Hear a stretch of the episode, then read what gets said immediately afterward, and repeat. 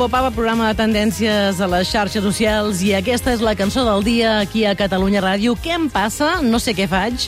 És Guineu, la compositora i cantant terrassenca Aida Jiménez s'amaga darrere de Guineu, el seu particular projecte musical d'indie pop en català. Què em passa? No sé què faig és el nou senzill de la reina del Cookie Trash. Serà el segon senzill avançament del seu segon disc, una sacsejada que es publicarà el proper divendres 17 de febrer. M'agraden les frases de Guineu i també m'agrada la frase d'aquest llibre que jo ara l'estic llegint com Antes muerta que analògica, però ja us avanço que per Sant Jordi es dirà Abans morta que analògica, sortirà en català. Així de contundent és el títol del llibre que acaba de publicar L'Àuria Rodríguez, experta en tecnologia i innovació, membre de l'Institut Europeu d'Innovació i Tecnologia, i llança reflexions molt, molt interessades i molt alineades amb el que us diem cada dia aquí al Pop-Up. Aura, bon dia, com estàs, Àuria? Pues molt bé, molt agraïda que em convideu. Home, havies de ser aquí perquè nosaltres llegint això hem dit és que diu tantes coses que nosaltres estem i, i diem, no? Antes morta que analògica, ets finalista al Premi Transfier, el Fòrum Europeu per la Ciència i la Innovació, que es fa la setmana que ve a Màlaga, no? Sí, sí, sí. Estic super nerviosa i la veritat que molt contenta perquè ha sigut una sorpresa. Escolta, a Màlaga estan passant moltes coses en tecnologia, no? Totalment. I ja fa dies que dic que he d'anar a Màlaga. Què està passant a Màlaga? Pues que han fet una bona política durant molts anys d'alinear les coses i d'apostar per la innovació i per atreure talent i per anar alineant mica en mica, mica en mica, de manera modesta, però sin presses però sin pausa, que diuen, i, i ara està donant els seus fruits. I Google està a punt d'obrir ja també, no? Un, sí, una un seu, centre, sí, un centre un molt important, Google, i l'alcalde de Màlaga té una edat, però està també super, és superdigital, no? Sí, sí, sí, és una persona que... Bueno, és molt intel·ligent, és una persona realment per escoltar. Sí, sí, el vull entrevistar, jo fa dies que ho tinc aquí en ment, ho hem de fer, això de Màlaga. A veure, tu tens claríssim que no podem no, no pujar al carro de la digitalització, però que s'ha de fer bé, i que hem de posar les persones al centre, això ho dius? Totalment, totalment. Mireu ara el que està passant amb la intel·ligència artificial, no? Aquest és l'any de la intel·ligència artificial i si no anem una mica amb cura, eh, jo sempre dic que els drons, per exemple, eh, els, els fem servir per, per transportar medicines o el que sigui, es poden fer servir a fi de bé, però també els fem servir per matar-nos eficientment. Llavors, eh, d'alguna manera, aquesta tecnologia, jo crec que l'acord més important que faria en aquest segle és que la tecnologia només s'utilitzi a fi de bé de les persones. I això canviaria el món. Hem de posar-hi ètica, no? Hem de posar-hi ètica, hem de posar valor i hem de posar regulació, per què no?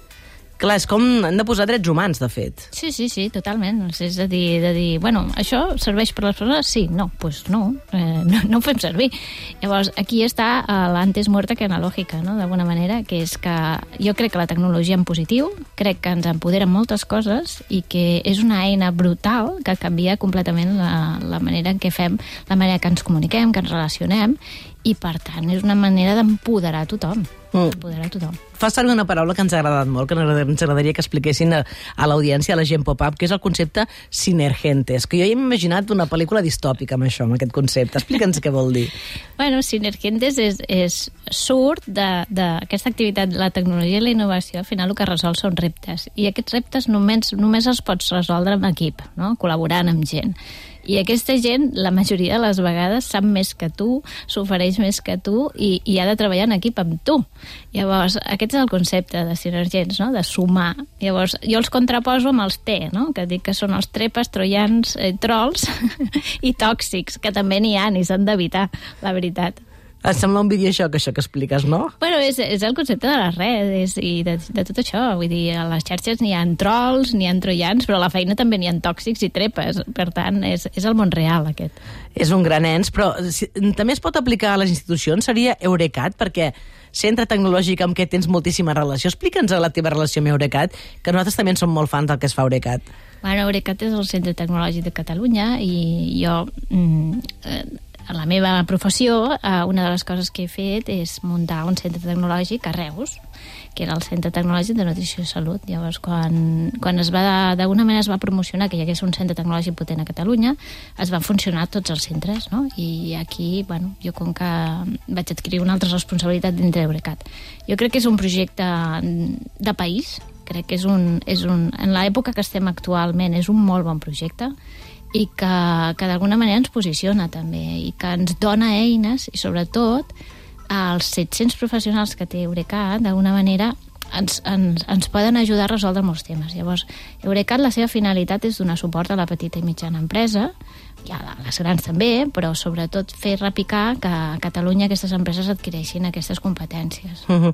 De fet, en el llibre, això ho, ho destaca en Xavier López, perquè està molt bé el llibre que eh, a cada un dels capítols hi ha comentaris de gent no? que tu has volgut que intervinguessin en el llibre, sí. i el Xavier López diu no? eh, que Àurea ha estat una persona clau en el disseny i la consolidació d'Eurecat com a centre tecnològic de referència a Catalunya i ha participat en primera persona en, la conform en conformar el que és avui l'ecosistema d'innovació del país. O sigui, són unes paraules que diuen sobre tu que ja dic que tu t'estava costant aquí visibilitzar-te una mica, eh? Bueno, jo eh, amb el Xavier i amb totes les persones que hi ha en aquest llibre he col·laborat d'una manera o d'una altra. Amb el Xavier ha sigut el meu jefe i, i hem col·laborat durant molts anys eh, d'alguna manera establint el que és Eurecat actualment. Llavors jo li agraeixo molt la participació, les paraules, però sobretot els anys que hem col·laborat junts. Mm. És una persona molt solvent, honesta i que està tirant endavant aquest projecte d'Eurecat. Mm. Llavors... Eh, tants altres. Vull dir que jo crec que el poder de totes aquestes institucions són les persones i els tecnòlegs que hi ha allà. I jo sempre ho deia, quan anem a les reunions d'Eurecat, deia dir que aquell més tonto fa rellotges, perquè realment el nivell és molt gran. Clar, hi ha moltes coses, per exemple, Eurecat el que es van avançar moltíssim, algunes de les empreses que estan en el centre tecnològic, és en, en fer roba tecnològica, no? O sigui, jo, no?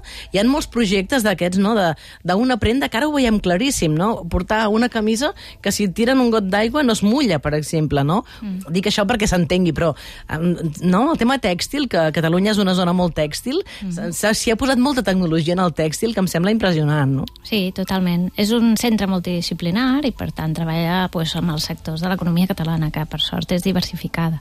Llavors treballa el tèxtil, treballa l'alimentació, treballa la salut, treballa la metal·lúrgia, vull dir, trots, la construcció, tots els que, els que tenim, el turisme inclús, els serveis, tot això, tot això és, és eh, s'ha d'innovar no? en tots els àmbits i això és el que fa d'una manera multidisciplinar, és a dir, incloent-hi totes les tecnologies, no només digitals, sinó industrials, etc i la resta. Llavors, uh -huh. això és una mica... Uh, en aquest llibre jo el que he volgut és acompanyar-me de persones de referència en cadascun dels àmbits, perquè de lo que parla és de com t'afecten tots els àmbits de la teva vida. Llavors, en l'àmbit de les finances, de la salut, de les relacions personals, de lligar... I un tema que a mi m'interessa especialment, que és els dones i la tecnologia. En el llibre parles de com ser digital o no, mm, això ja no és una opció, no. tots ho som i a tots la tecnologia ens ha canviat la vida quotidiana, però l'opció és, per tant, fer-ho mm, preparats i amb ètica, això com dèiem, però clar, què passa amb les dones? Parles del feminisme tecnològic. Sí, jo sóc feminista tecnològica. És a dir, jo crec que ara això ja no va de... O sigui, sí que va de pancartes, però va més de codis que de pancartes, també. I va de, de que ens hi posem amb la intel·ligència artificial, per exemple. Llavors jo dic feminisme algorítmic, si vols. Vull dir que, que és un altre tipus.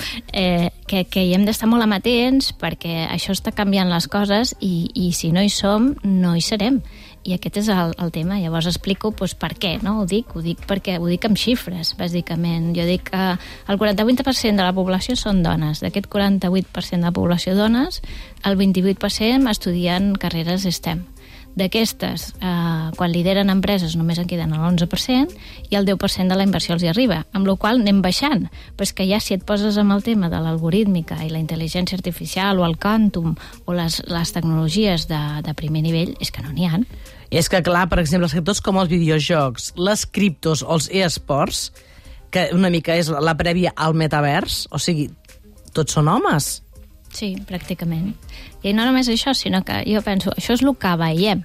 El que no veiem és el que està codificat, els programes, els algoritmes, el que determinaran, pues això, el que està determinant el nostre dia a dia, si tens un préstec o no, si reps una beca o no, si, bueno, com, com evoluciona tota la teva vida.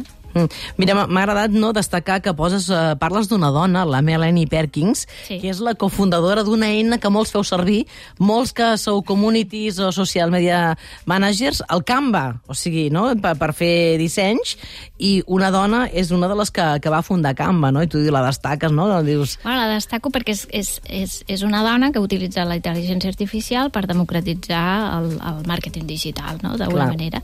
I és de les poques que en l'àmbit de la intel·ligència artificial artificial i les seves aplicacions destaquen amb la llista Forbes i en altres llistes com a, com a empresa gran, que està creixent moltíssim, amb aquestes aplicacions. Llavors, la, la intel·ligència artificial, que és la propera, bueno, la revolució que tenim sobre la taula, no? Total. Totalment. Uh, si tu comences a mirar les empreses líders al nivell del món, és que no n'hi ha no n'hi ha. Uh -huh. Llavors, a mi em preocupa perquè això es destila després com programem, com tenim, com, quines conseqüències té tot això. Clar, just aquesta setmana hi ha dos grans gegants que han anunciat no? intel·ligències artificials.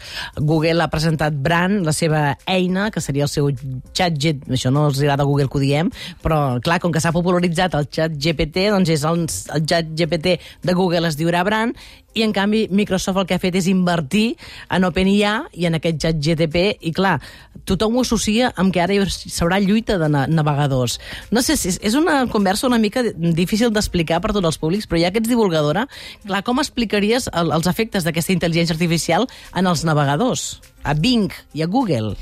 Bueno, aquesta, o sigui, a veure, aquestes intel·ligències artificials tenen tres coses bones, o sigui, o relativament novedoses. Una és que la seva base de dades és enorme i, per tant, tenen gran informació i això els dona capacitat de resoldre preguntes doncs, de manera molt més àgil. La segona cosa és que aquestes intel·ligències el que tenen es diuen regeneratives perquè el que fan és transcriure eh, d'alguna manera allò que tu que els estàs preguntant o el que els estàs demanant, etc etc. I això és una novetat pel públic no per la gent que es dedica a intel·ligència artificial, però sí pel públic, de que tu entres allí, i jo l'altre dia, bueno, és com l'oràculo de Delfos, no? Clar. De Belfos, que tu entres allí i li dius, escriu-me uh, un, un, un, per exemple, un poema en el uh -huh. qual s'inclogui Espinàs i, i uh, T'estimo Catalunya i amb 20, amb 20 versos i que com cada això, i pam, i li dones un botonet i patapam. Ja I, ja, ja, I ja te'l fa.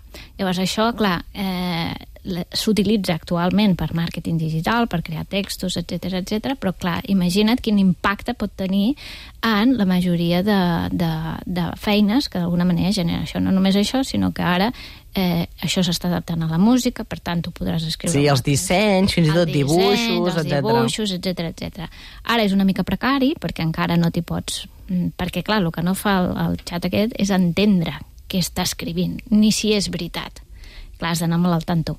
Perquè, però clar, imagina't tot això, la revolució que hi ha a l'educació, la revolució que hi ha amb tots els, els creadors de contingut, amb la cultura, amb l'art, amb tot això. Llavors, què hem de fer? Pues fer-ho servir a fi de bé el que hem començat a dir al principi, de dir com podem utilitzar això perquè els nens aprenguin que és una eina que pot redactar, és com les calculadores com van començar. Clar. És el mateix.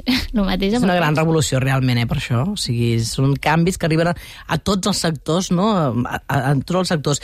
Bé, en, en el llibre aquest d'Abans morta que analògica hi ha un tema molt important, n'hi ha molts d'importants, eh, com hem dit, però n'hi ha un que, per exemple, hi ha una frase que diu aprendre per ajudar els nostres fills, no?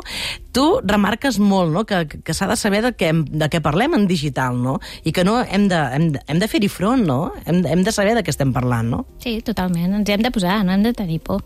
És la, la tecnologia no té gènere, no té intencionalitat, som nosaltres que li posem i, i està a l'abast de tothom, que això és la gran notícia, no? que tu pots aprendre amb una persona, tu pots estudiar el MIT des del meu poble, des de Torre d'Embarra. és a dir, que això és, és un canvi brutal, o em pot atendre el millor metge del món des d'això. De, Llavors, aquest canvi l'hem d'aprofitar, i això és la tecnologia. Uh -huh. És una eina que ens facilita coses, llavors ens hi hem de posar. Àurea Rodríguez, Antes muerta que analògic, aquell llibre que us recomanem. Ara, la última pregunta, que jo cada, com més digital és una persona que em trobo davant, més li vull fer aquesta pregunta. Àurea, tu com desconnectes? Pues amb els meus peques.